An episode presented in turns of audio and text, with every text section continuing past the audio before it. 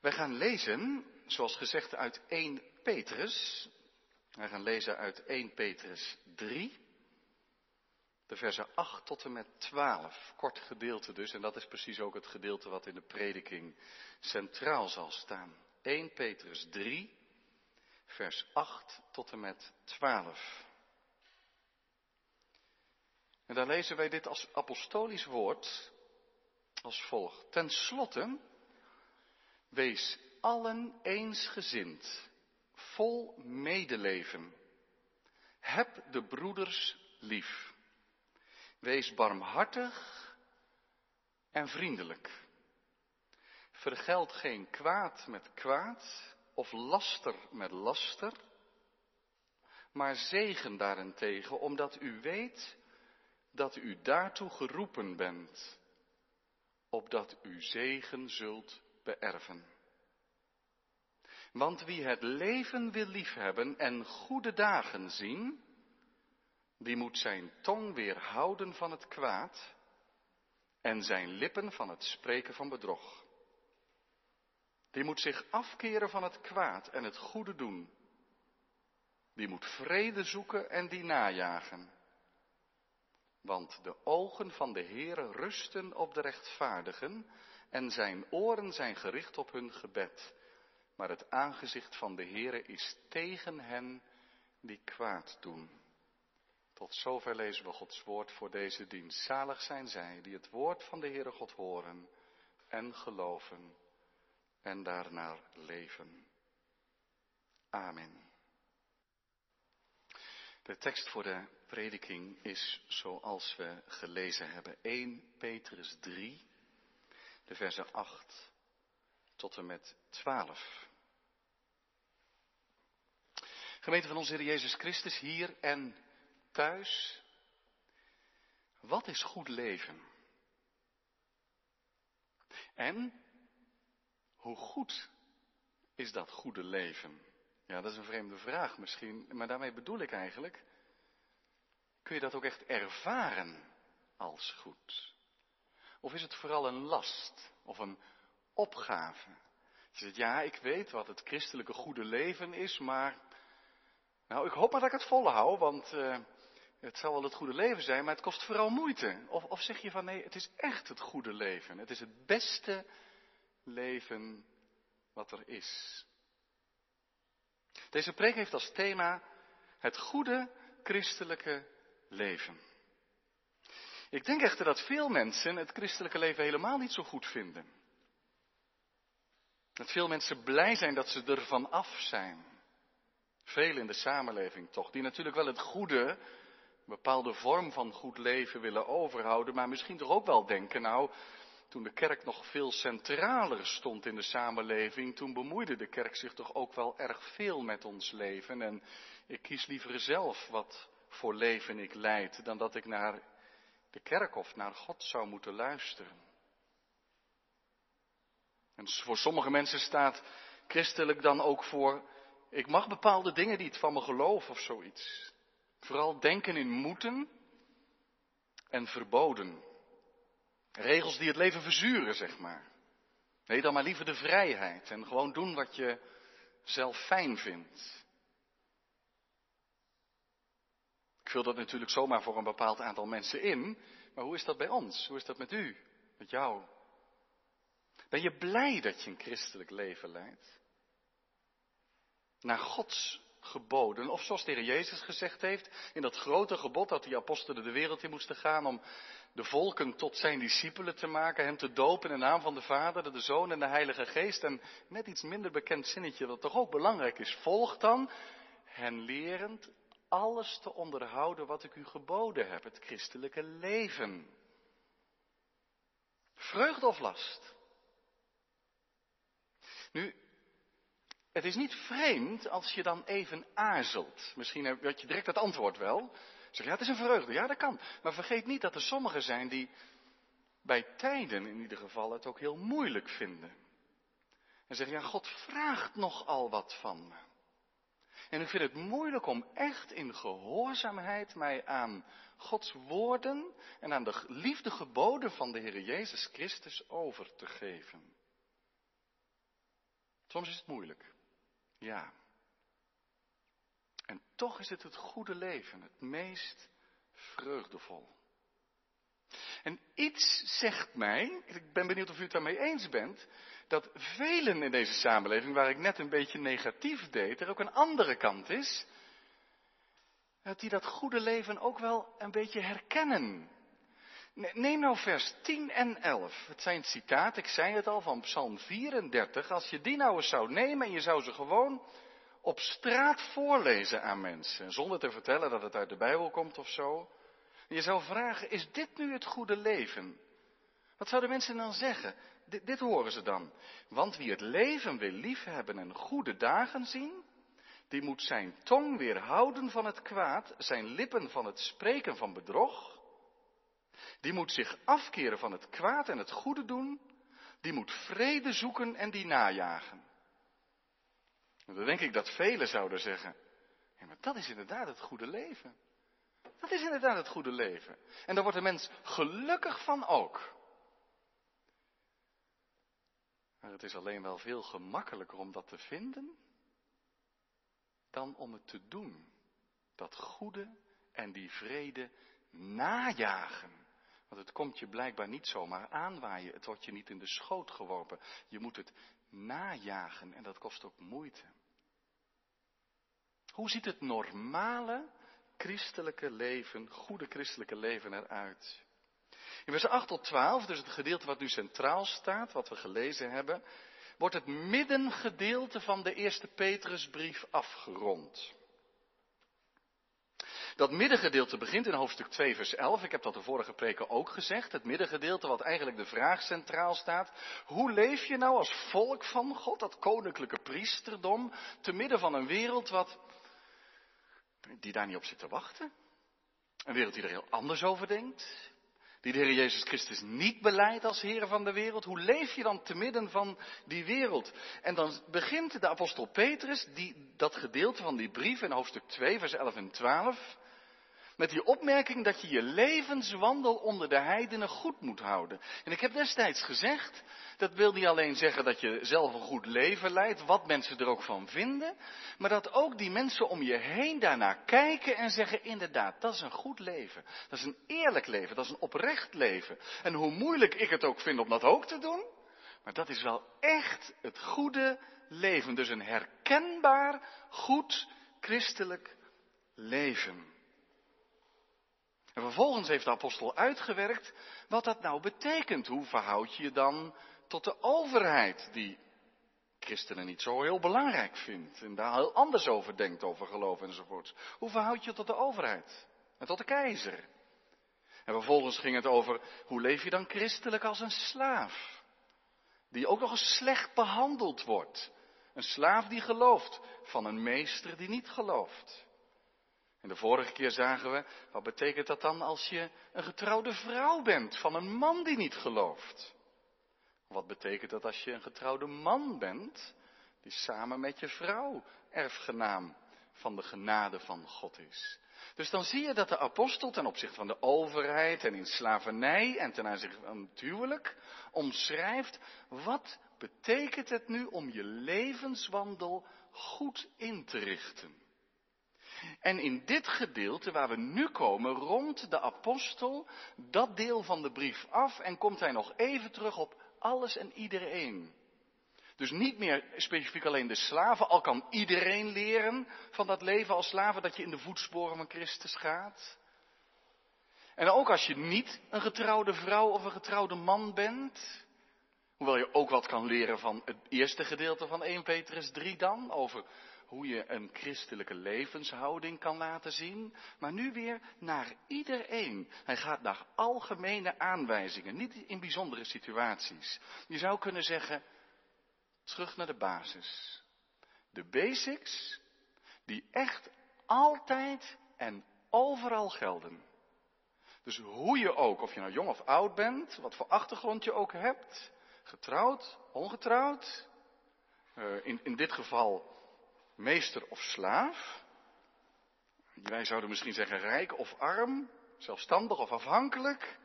Vul het maar in, maar ze gelden altijd. De basics van het goede christelijke leven. Ik noem dat eigenlijk een beetje ondeugend dan ook maar het normale christelijke leven. Zodat we niet denken, nou, bijzonder hoor, allemaal diverse.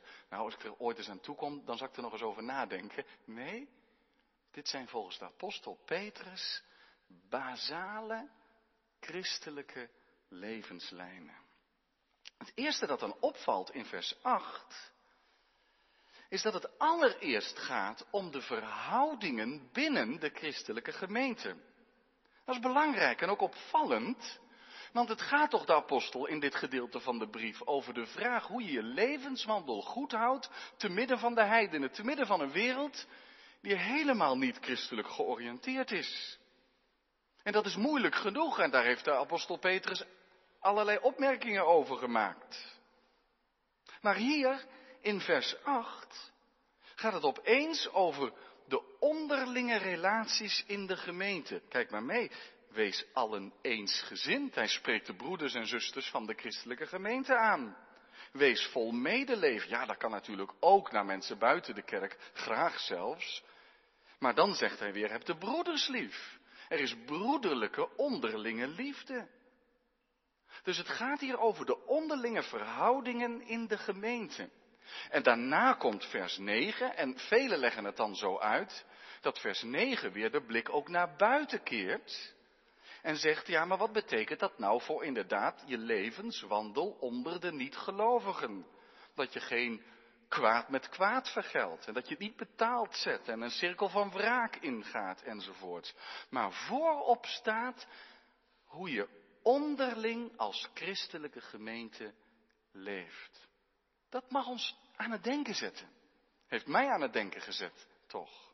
Blijkbaar, zo concludeer ik, is de gemeente, en ik noem dat bewust gemeente, je zou kunnen zeggen kerk, maar lieve gemeente, omdat daar ook het woord gemeenschap in zit. En die christelijke gemeente of christelijke gemeenschap is blijkbaar volgens de apostel de plaats waar dat rijke, goede christelijke leven groeit, geleerd, geoefend wordt. Dat kun je niet op jezelf. Christen zijn op school, in je studie, op je werk, in je vrije tijd, gaat niet zonder dat er ook die christelijke gemeenschap is. Dus Petrus gaat ervan uit dat elke christen, om naar de geboden van Christus te leven, een betrokken plaats heeft binnen de christelijke gemeente. Niet in de zin van ik kom af en toe eens naar de kerk, al naar gelang ik er behoefte aan heb.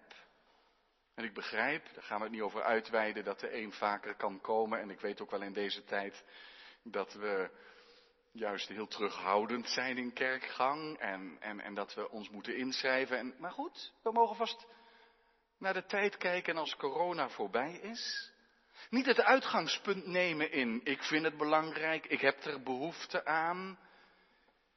En zelfs niet, en dan begint het nou te luisteren, ik ga zo vaak mogelijk naar de kerk, omdat ik er zoveel behoefte aan heb. Er is meer dan dat zelfs. Kijk, nog een keer, we missen dat in deze tijd. Fijn als we met Hemelvaartsdag weer met meer mogen samen zijn.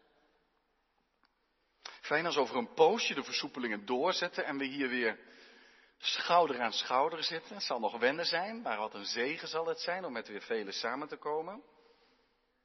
Maar zelfs als we hier weer met 120 mensen aanwezig zijn, kan het nog zo zijn dat je hier voor jezelf zit. Dat je er zit. Ja, dat er anderen zijn, het is druk voor morgen. Vooruit maar. Maar dat je vergeet dat ook die christelijke gemeenschap een geweldig geschenk van onze God is. Zo werkt het niet, zegt Petrus, dat je voor jezelf in de kerk zou zitten. De gemeente is niet alleen de plek van samenkomst van individuele mensen, maar het is een gemeenschap. En die gemeenschap, die kent een onderlinge omgang. En die gemeenschap is een leerschool voor dat leven wat verder in vers 9 en verder uitgewerkt wordt. Want als je onderling niet leert om elkaar lief te hebben, vers 8, hoe zou je dan toe kunnen komen aan vers 9? Vers 9 is veel moeilijker, toch? Daar staat vergeld geen kwaad met kwaad of laster met laster, maar zegen daarentegen. Met op de achtergrond de woorden van de Heer Jezus die hierachter zitten. Zegen hen die u vervloeken of vervolgen. Doe goed aan hen die u haten. Heb uw vijanden lief. Dat is het hoogste. Maar daaronder ligt die oefenschool van de christelijke gemeente. Dat je groeit in dat christelijke leven door dat te oefenen in de onderlinge omgang. Dat betekent dus dat wij als kerkenraad een uitdaging hebben, een opdracht in deze tekst. Dat wij diensten beleggen en voor een goede werking zorgen, zoals we dat nu doen. En de maatregelen zorgvuldig opvolgen en hopen dat we meer aan kunnen bieden dan nu. Maar, maar meer dat we ook nadenken over gemeenteopbouw. Dat we meer doen dan diensten waar ieder kan komen om, en dat is waardevol, hè, om iets van God te ontvangen. En dat je elkaar ook spreekt en, enzovoort ontmoet, maar dat we dat ook faciliteren, dat er iets van onderlinge omgang is. Zodat de woorden die in vers 8 gebruikt worden, praktijk kunnen worden. Moet dat? Moet ik zo participeren in de gemeente? Misschien zeg je, ik ben daar niet zo van. nu, dat realiseer ik mij ook wel, dat er mensen zijn die zeggen, het kan me niet snel genoeg allemaal weer beginnen, want ik hou ervan om met elkaar om te gaan, bewogen te zijn met elkaar, te vragen, hoe is het met je? Terwijl iemand anders misschien zegt, ja, ik ben wat teruggetrokken meer, ik ben wat terughoudender, iets meer op mezelf. En dat verschil mag er zijn. Moeten is dan ook niet het goede woord. Maar als Paulus, of sorry, Petrus in vers 9 zegt, want hiertoe bent u geroepen, dan geldt dat ook voor vers 8. Het gaat hier om apostolisch onderwijs, wat we uiteindelijk tot onze schade naast onszelf neer zouden leggen. Geef er gehoor aan. En oefen je in onderlinge betrokkenheid en liefde. Is geen liefhebberij, maar roeping. En wie er gehoor aan geeft, en het kost soms moeite, zal ook de zegen ervan merken. En ik heb het al vaak gezien ook. De vreugde, geloofsgroei, vrijmoedigheid, de zegen van de christelijke gemeenschap. Nu in vers 8 staan er vijf aansporingen. Ik stip ze even aan, om de woorden even te voelen en te proeven. Eerst zegt de apostel tenslotte, wees allen eensgezind. Dat is het eerste woord. Vijf woorden, dus eensgezind is de eerste. Betekent niet dat je overal hetzelfde over denkt. En dat iedereen in de gemeente zo'n soort van perfecte match is. Alles past bij elkaar. We zijn een gemeente met zeer verschillende achtergronden, verschillende nationaliteiten. Verschillende geestelijke achtergronden, gelovige achtergronden, katholiek, niet gelovig, evangelisch, protestant, gereformeerd en wat er allemaal al niet is. Het zit allemaal in de gemeente. Met allemaal eigen voorkeuren over hoe een dienst en een liturgie eruit zou moeten zien. En de een zal zeggen, nou ik vond die psalm het mooist van de dienst. En de volgende zegt, psalmen, geef mij maar opwekkingsliederen. En de anderen zeggen, ja maar ik moet meer van de geschiedenis van de kerk erin hebben. Meer het oude lied. Van mij, wat gaan we nog eens Gregoriaans zingen? We hebben allemaal meningen, achtergronden en gedachten. En dat mag. Wat is dan eensgezind? Dat je één bent in het geloof in Jezus Christus. Eén bron hebt waaruit je put het evangelie. En één doel hebt, namelijk Gods koninkrijk. En als je dan samen in de dienst zit en je kijkt om je heen, dan zeg je andere voorkeuren heel wat verschillen en toch beleven we dit samen. Breken we hetzelfde brood? Drinken we diezelfde wijn? Beleiden we dezelfde Heren? Is er één Heer, één geloof, één doop? En dat mogen we in de hoop op meer eenheid onder christenen ook beleven in de gemeenschap van deze kerk. Eensgezind. En er gaan twee mensen die totaal verschillende ideeën hebben over welk lied of hoe precies in de liturgie zou moeten gaan bijvoorbeeld. Die gaan samen de wijk in om iets te delen van de barmhartigheid van Jezus en van zijn woord. En daarin zijn ze één, eensgezind, rondom het woord van God. Dat is het eerste woord. Tweede woord, medeleven. Vol medeleven. Er staat eigenlijk dat iedereen sympathiek is. Nou ja, dat, dat komt bij het Griekse woord vandaan. Sim is zoiets als samen, pathos, lijden, medelijdend, meebewogen met elkaar. Wat laat zien, ja, als één lid lijdt, lijden alle leden mee. Dat is moeilijk als je niemand kent in de gemeente. Als je alleen voor jezelf naar de kerk komt en je legt geen contact, mis je dit. Ik kan niet zeggen dat je bevriend moet zijn met iedereen in de kerk, hè. Dat geef ik je ook te doen om dat voor elkaar te krijgen. Maar toch hebben we oog voor elkaar. Het woordje elkaar in de apostolische brieven is geen onbelangrijk woordje. Elkaar bemoedigen, vermanen, meenemen, aansporen. Bewogen zijn. Als er voorbeden gedaan wordt, laat eens wat van je horen. Stuur eens een kaartje. Medeleven. Doe voorbeden. De gemeente mag niet als los zand aan elkaar hangen. Derde woord broederliefde. Dat wil zeggen liefde onder de broeders en de zusters. Daar zit natuurlijk een beeld achter. Namelijk dat de gemeente, ja, wat is de gemeente? Een gebouw, zegt Paulus ergens. En Petrus had al gezegd dat je als levende stenen wordt ingemetseld, ingevoegd in dat geestelijke huis, kerk van Christus. Maar hier wordt dit beeld gebruikt van broers en zussen. Ja, zegt iemand, maar als ik nou gewoon niet zoveel heb met de mensen van de kerk. Oh, wacht even. Hoezo de mensen van de kerk? Broers en zussen. Met een bloedband. Ja, niet een gewone bloedband, maar wel met dat, dat bloed van de Heer Jezus Christus. Dat is een roeping, hè? Een broer of zus laat je toch niet zitten? Familiebanden zijn al sterk. Hoeveel te meer mag dat zijn in de christelijke gemeenschap? Bid dan maar om liefde voor de broeders en de zusters. Dat is het derde woord. Vierde woord, barmhartig. Als je dat een moeilijk woord vindt, dan mag je de B en een W veranderen. Dat wil nog wel eens helpen. En nog een paar letters veranderen dan vooruit. Warmhartig. Barmhartig, warmhartig. Want dat, dat, dat is het wel. Barmhartig betekent dat je ontferming hebt. Ja, wacht even, zegt iemand misschien. Maar gevoel kan je niet maken, hè? Maar het begint ook er niet bij in de christelijke gemeente dat je om je heen kijkt en zegt, oh wat zijn dit toch allemaal fijne mensen zeg. Veel fijner dan de mensen bij mij in de straat. Dit zijn echt perfecte mensen, daar gaat het niet om. En vaak is dat ook niet zo. Waar het wel om gaat, is dat je verbonden bent aan elkaar. En als je weinig gevoel hebt voor de ander, bewogenheid met de ander, warme gevoelens, warmhartig, ontfermend voor de zwakken en degenen die het moeilijk hebben, moet je maar naar de Heer Jezus kijken en naar God kijken. Waar leef je dan zelf van? Is het niet van de barmhartigheid van God? Is het dan niet van de ontferming van de Heer Jezus? En als dat doordringt in je hart, dan kan het ook echt niet anders of het gaat doorwerken. Ook naar elkaar toe.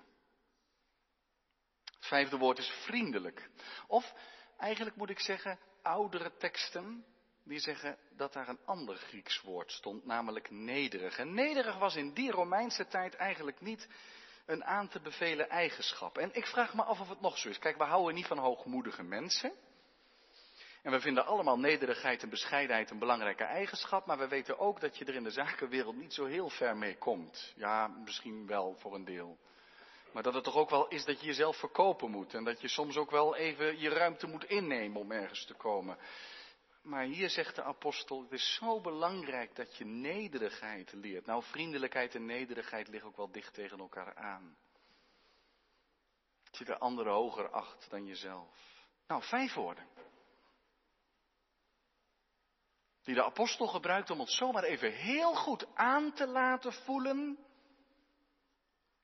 hoe het zal gaan in de christelijke gemeente. Oh, laten we naar, alvast uitzien naar het na-corona-tijdperk.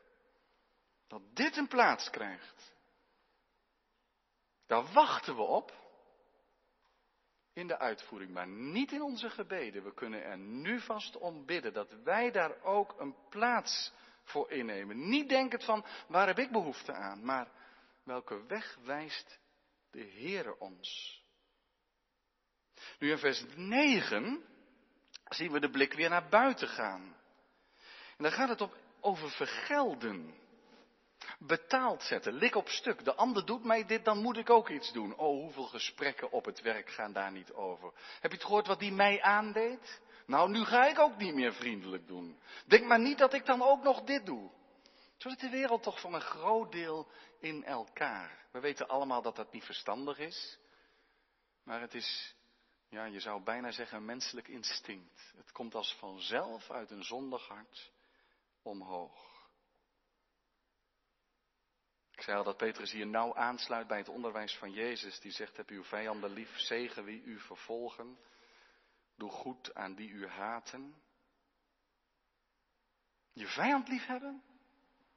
Iemand vroeg eens, hoe zou ik dat kunnen als ik die vijanden niet eens leuk vind? Die had natuurlijk gedacht, ja, liefhebben, dat is de overtreffende stap van leuk vinden. Maar zo werkt het in de Bijbel niet. Net als bij die barmhartigheid. En die broederliefde, die heeft een andere bron. Het liefhebben van de vijanden ook. Dat is niet omdat het fijne mensen zijn, maar omdat je zelf van de genade en de liefde van God leeft. Ken jij iets van die liefde? Ken je de kracht van die liefde in jouw leven? Ken je de vreugde om liefde te plaatsen tegenover liefdeloosheid, nadigheid, zurigheid, onrecht? Het kan alleen door de kracht van de Heilige Geest die de Heer belooft aan zijn gelovigen. Twee voorbeelden. Ik las het verhaal van een soldaat die midden van zijn groep, ja je leeft natuurlijk in diezelfde tent, maar die had er een gewoonte om altijd nog voordat hij ging slapen te lezen en te bidden. Even een stukje te lezen uit zijn Bijbel en te bidden. En zijn, zijn makkers daar in die tent, die staken daar de draak mee. Die, die gingen hem altijd plagen natuurlijk. En op een gegeven moment, terwijl hij aan het bidden was, kreeg hij een modderige laars tegen zich aange, Een soldatenlaars tegen zich aangegooid. En wat deed hij? Ging hij s'nachts toen al zijn makkers sliepen naar buiten om al die laarzen van zijn medegenoten vol met modder te scheppen? S'morgens vond de boosdoener zijn laars naar zijn bed terug, gepoetst en wel. Dat is maar een klein voorbeeldje, maar het zijn toch kleine dingen. En het verhaal gaat dat er sommigen zich bekeren tot Jezus Christus. Een evangelist ging naar een grote stad. Waar hij te maken kreeg met nare buren, die hoorden dat hij eh, namens Jezus Christus mensen kwam vertellen over het evangelie. En die als de wind die kant op stond, hun asla naar buiten gooide, als de was buiten hing. Telkens weer, en dan moesten ze weer overnieuw beginnen. Wat doe je dan? Ga je het betaald zetten als de wind de andere kant op staat? Ze bleven vriendelijk. Ze zeiden er niet eens zoveel van. Misschien een keer, we vinden dat niet zo fijn. En langzaam werden harten ingewonnen. Vergeld geen kwaad met kwaad. Dat is radicaal, hè? Ik kan me voorstellen dat het een vraag oproept van, moet je dan altijd maar over je heen laten lopen? dat zeg ik niet. Er is ook zoiets als recht in de samenleving. En soms kan het niet anders of je komt dus voor jezelf op. Maar voordat je een rechtszaak aanspant, bij een rijdende rechter of een stilstaande rechter of wat voor rechter dan ook, Ga op de knieën en vraag eens waar het koninkrijk van Jezus Christus het meest mee gediend is. Is het niet ons verlangen? Moet het dat niet zijn dat we zeggen, Heer, mogen we op U lijken? Hoe kunnen we anderen zegenen? Het begint met het innerlijk gebed. Heer, zegen die ander die mij het leven zo zuur maakt. Het valt me zo tegen wat hij of zij doet. Geef me liefde. Leer mij goed te doen. Er wordt er slecht over me gesproken, ik ga goed over de ander spreken. Is iemand tegen je? Probeer die ander te helpen. Oh, we vallen zo makkelijk terug in oude patronen, op oude instincten. Terugbetalen, vergelden. En dan is daar weer die oefenplaats. We moeten oefenen en bidden. En ons oefenen in die genade. En het is zegenrijk hoor, het is echt zegenrijk. Dat staat ook aan het einde van vers 9, opdat u zegen zult beërven. Daarin ligt de zegen van de Heer. En ik denk dat dat de reden er ook van is dat de apostel in vers 10 tot en met 12 psalm 34 aanhaalt. Een psalm Die gaat over een rechtvaardige die ook achterna gezeten wordt door de goddeloze en het moeilijk heeft en, en toch zegenend leeft. En dat je daardoor erg gezegend wordt en goede dagen mag zien, dat mag je verwachten. Bevrijd, dat is bevrijd leven, het goede christelijke leven. Niet in die spiraal van jij doet iets aan mij en ik doe iets aan jou. Ik zet het je betaald. Moet je het zelf maar weten. Dat je werkelijk zegen kunt plaatsen tegenover vloek. Ik zei vers 10 en 11 zijn algemeen goede regel, maar weinigen volgen deze regel, omdat het niet vanzelf gaat. Je moet het najagen, zei, iemand, Tom Wright in dit geval. Zoals je een hond zoekt die in een drukke winkelstraat in een drukke stad weggelopen is en je bent je kwijt. Zoals je die zoekt, je hond of je kind. Dan ben je aan het najagen. Waar is het? Ingespannen. Het christelijke leven gaat niet vanzelf. We moeten ervoor bidden en het najagen. De vrede zoeken en najagen. Ervoor bidden. Je erin oefenen. Bij jezelf merken. Als je terugvalt in algemeen menselijke oude patronen. Dat je bidt, heren, ik, ik heb zo gereageerd, maar ik leek niet zo, zoveel op u. Help mij. En Jezus zei, zalig de vrede stichten. Sta je zo bekend op je werk? In het complex waar je woont? Zo zegenrijk. Zo zegenrijk. Niet alleen omdat je ooit eens zegen zult beërven in Gods grote toekomst. Ook. Maar Psalm 34 gaat het erover dat je hier al goede dagen mag zien. De vrede van God in je hart mag hebben. Hoe zien wij het christelijke leven? Is dat corvée om boven te komen? Nee, toch hoop ik. Het moet maar. Het is nou eenmaal goed. Het moet maar. Het hoort erbij. Zoals je een vies drankje doorslikt om er profijt van te hebben. Is dat het christelijke leven? Nee, toch? Vreugde en zegen. Omdat je iets mag proeven van Christus in je leven. En dat je weet dat de christelijke gemeente niet alleen oefenplaats is voor dit christelijke leven, maar dat het eigenlijk ook een schaalmodel is voor de grote toekomst. Ja, dat zijn wel grote woorden.